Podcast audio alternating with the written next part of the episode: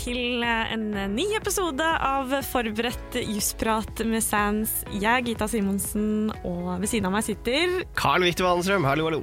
Og eh, denne episoden er jo en forlengelse av den forrige, der vi hadde besøk av Christian Hartmann, som fortsatt er her.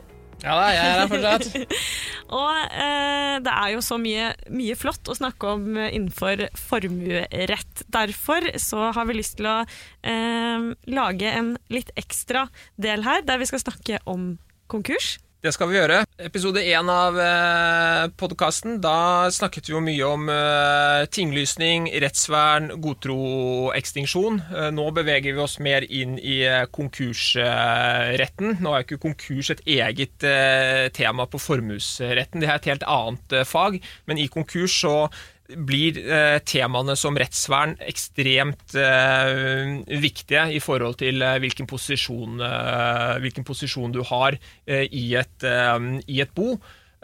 som igjen vil da avgjøre hva et konkursbo eller en utleggshaver faktisk kan legge eller ta beslag i. og det er det vi skal se nærmere på i denne episoden.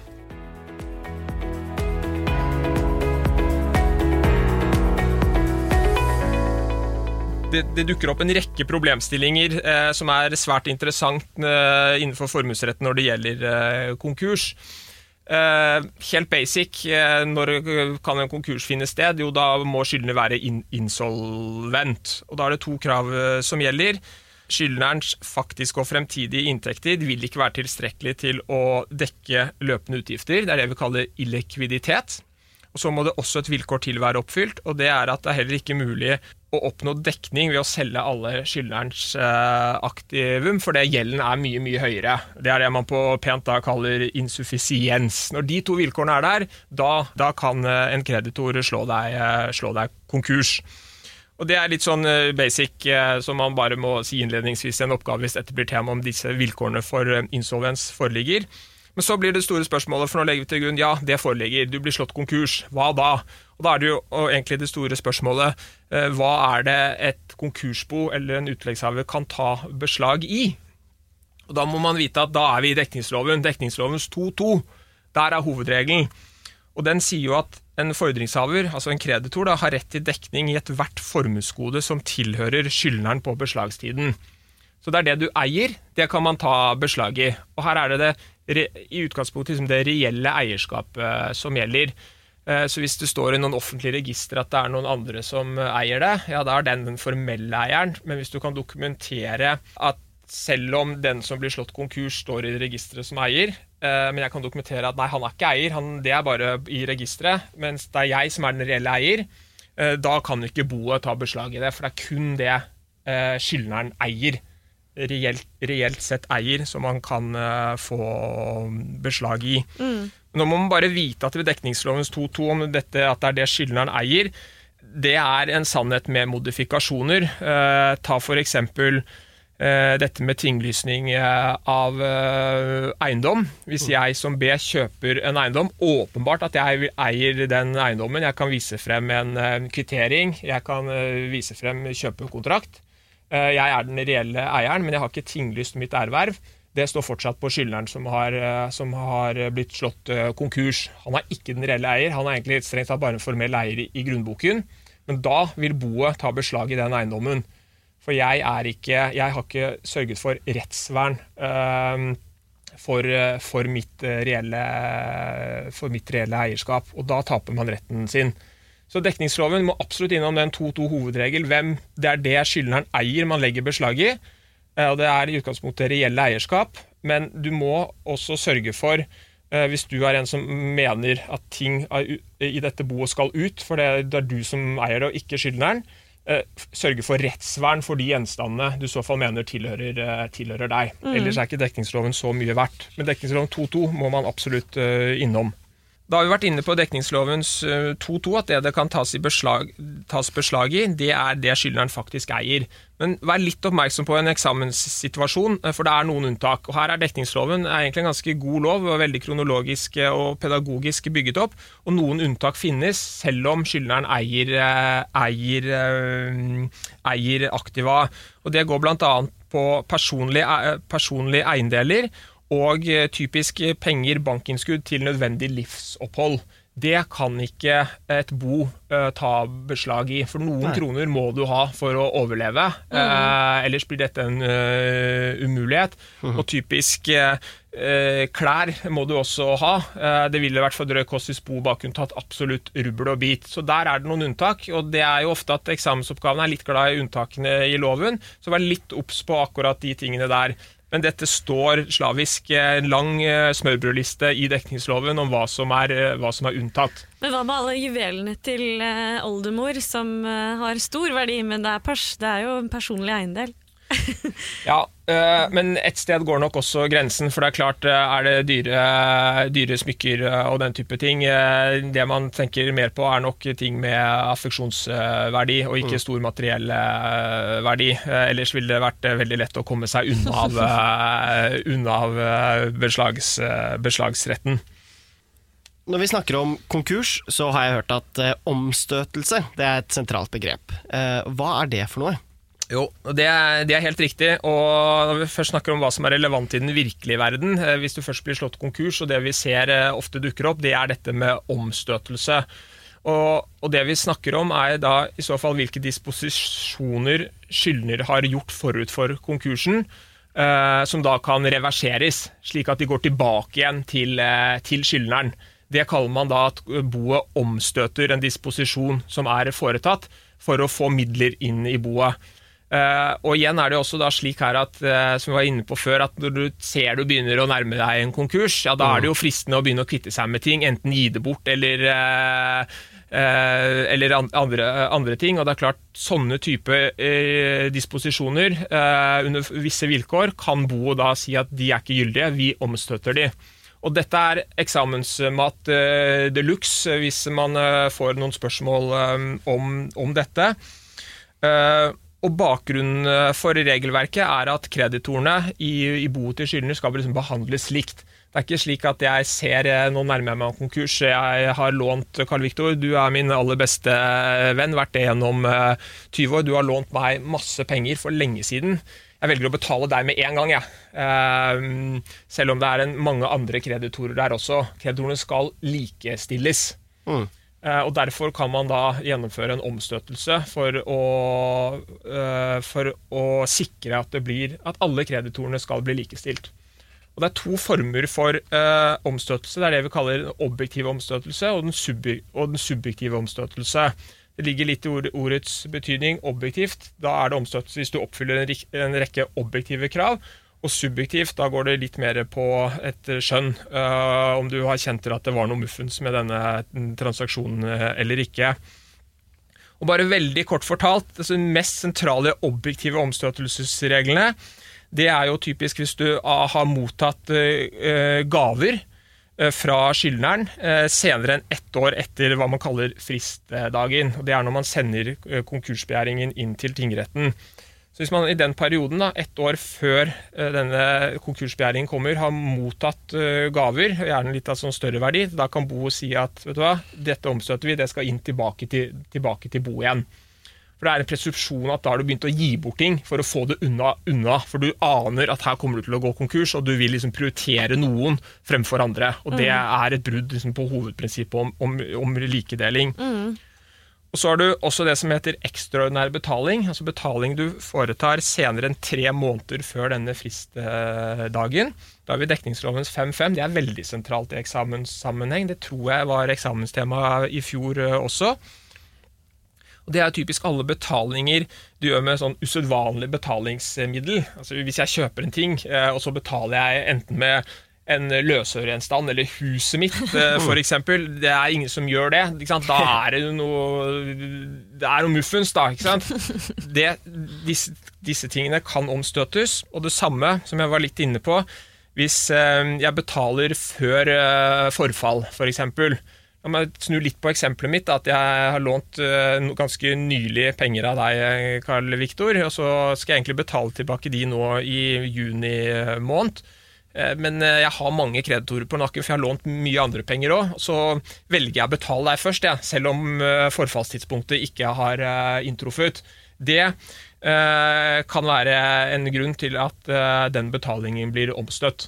Annullert, liksom? Ja, tatt, ja, ja, eller annullert fordi eh, altså Det betyr da at eh, Carl Victor må tilbakebetale de pengene til boet. Mm. Det, er det ser vi ofte også, at boet saksøker jo en eh, god del selskaper eh, og personer som har mottatt omstøtelige gaver hvis de ikke vil gi tilbake. For bobestyret har én oppgave mest mulig midler inn i boet. Mm.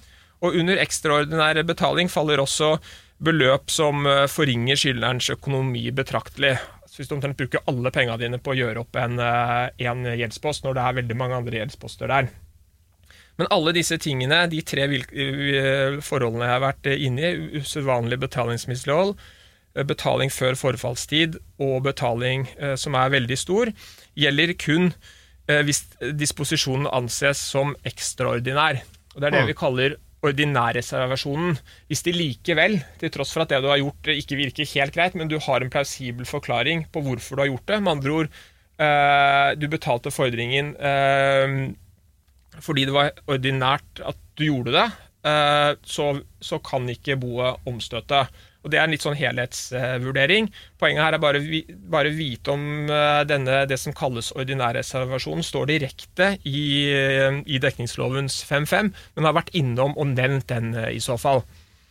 Og da tenker jeg bare veldig mm, på tampen i forhold til omstøtelse. Paragraf 5.9 den sier jo litt om den subjektive eh, omstøtelsen. Og veldig kort fortalt da er jo type hvis du mottar en ytelse fra en skyldner eh, som er like før han går konkurs, men du er ikke i god tro, Aksom god tro, kommer inn overalt, det er aksom god tro-kravet.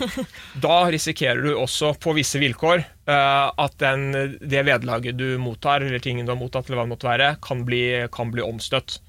Det er da subjektivt basert på eh, den som har mottatt tingen, om han eh, burde skjønte eller burde skjønne at eh, her, er, her, var det, her, her var det fare for en konkurs. Ja, her, her er ikke jeg først i rekka, egentlig. Nettopp. nettopp. Uh, og da står også vilkårene ganske presist angitt i loven uh, for om uh, boet skal kunne omstøte basert på en sånn subjektiv, den subjektive omstøtelsesregelen i dekningslovens eh, 5.9.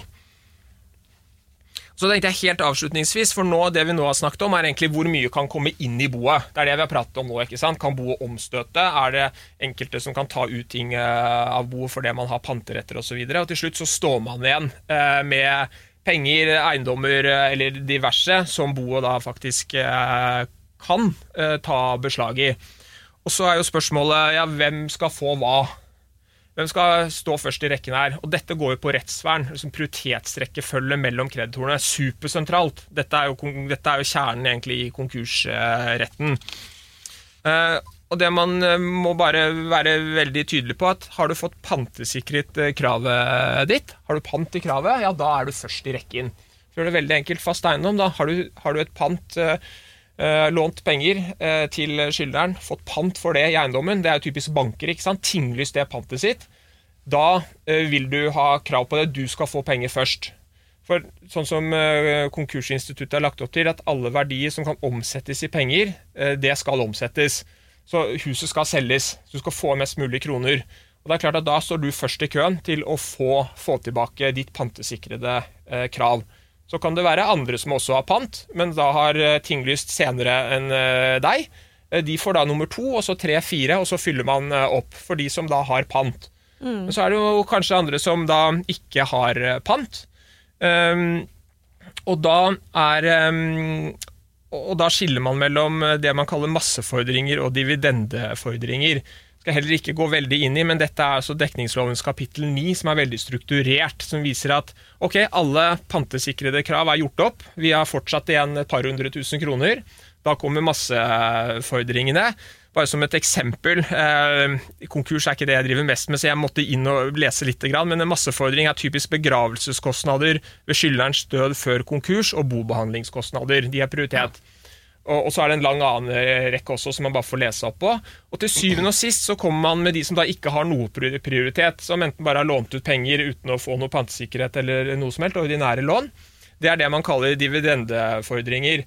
Og da skal du få en eh, andel, eh, en forholdsmessig andel eh, av boet basert på det kravet du har, og det er jo en prosentsats. Og en dividendefordring er jo ofte svært liten. Om du har krav på ditt krav utgjorde 10% av hele boet, da får du 10% men hvis det er 100 kroner som varer igjen, så, så får du 10 kroner, da. du blir ikke rik av det, Nei. for å si det sånn. Og ofte er det jo ikke noe igjen i boet engang for de som står bakerst i rekken. Nei. Og Det er det som bare viser viktigheten av å få eh, rettsvern for, eh, for sitt pant. For da, eh, både pant og egentlig eiers, eierskap, for da er du først i køen og sikret rettighetene dine. Og dette blir jo veldig veldig synlig i en konkurssituasjon. Da tror jeg vi var eh, sånn, gjennom eh, formuesretten eh, på tre kvarter eh, Ja. pluss.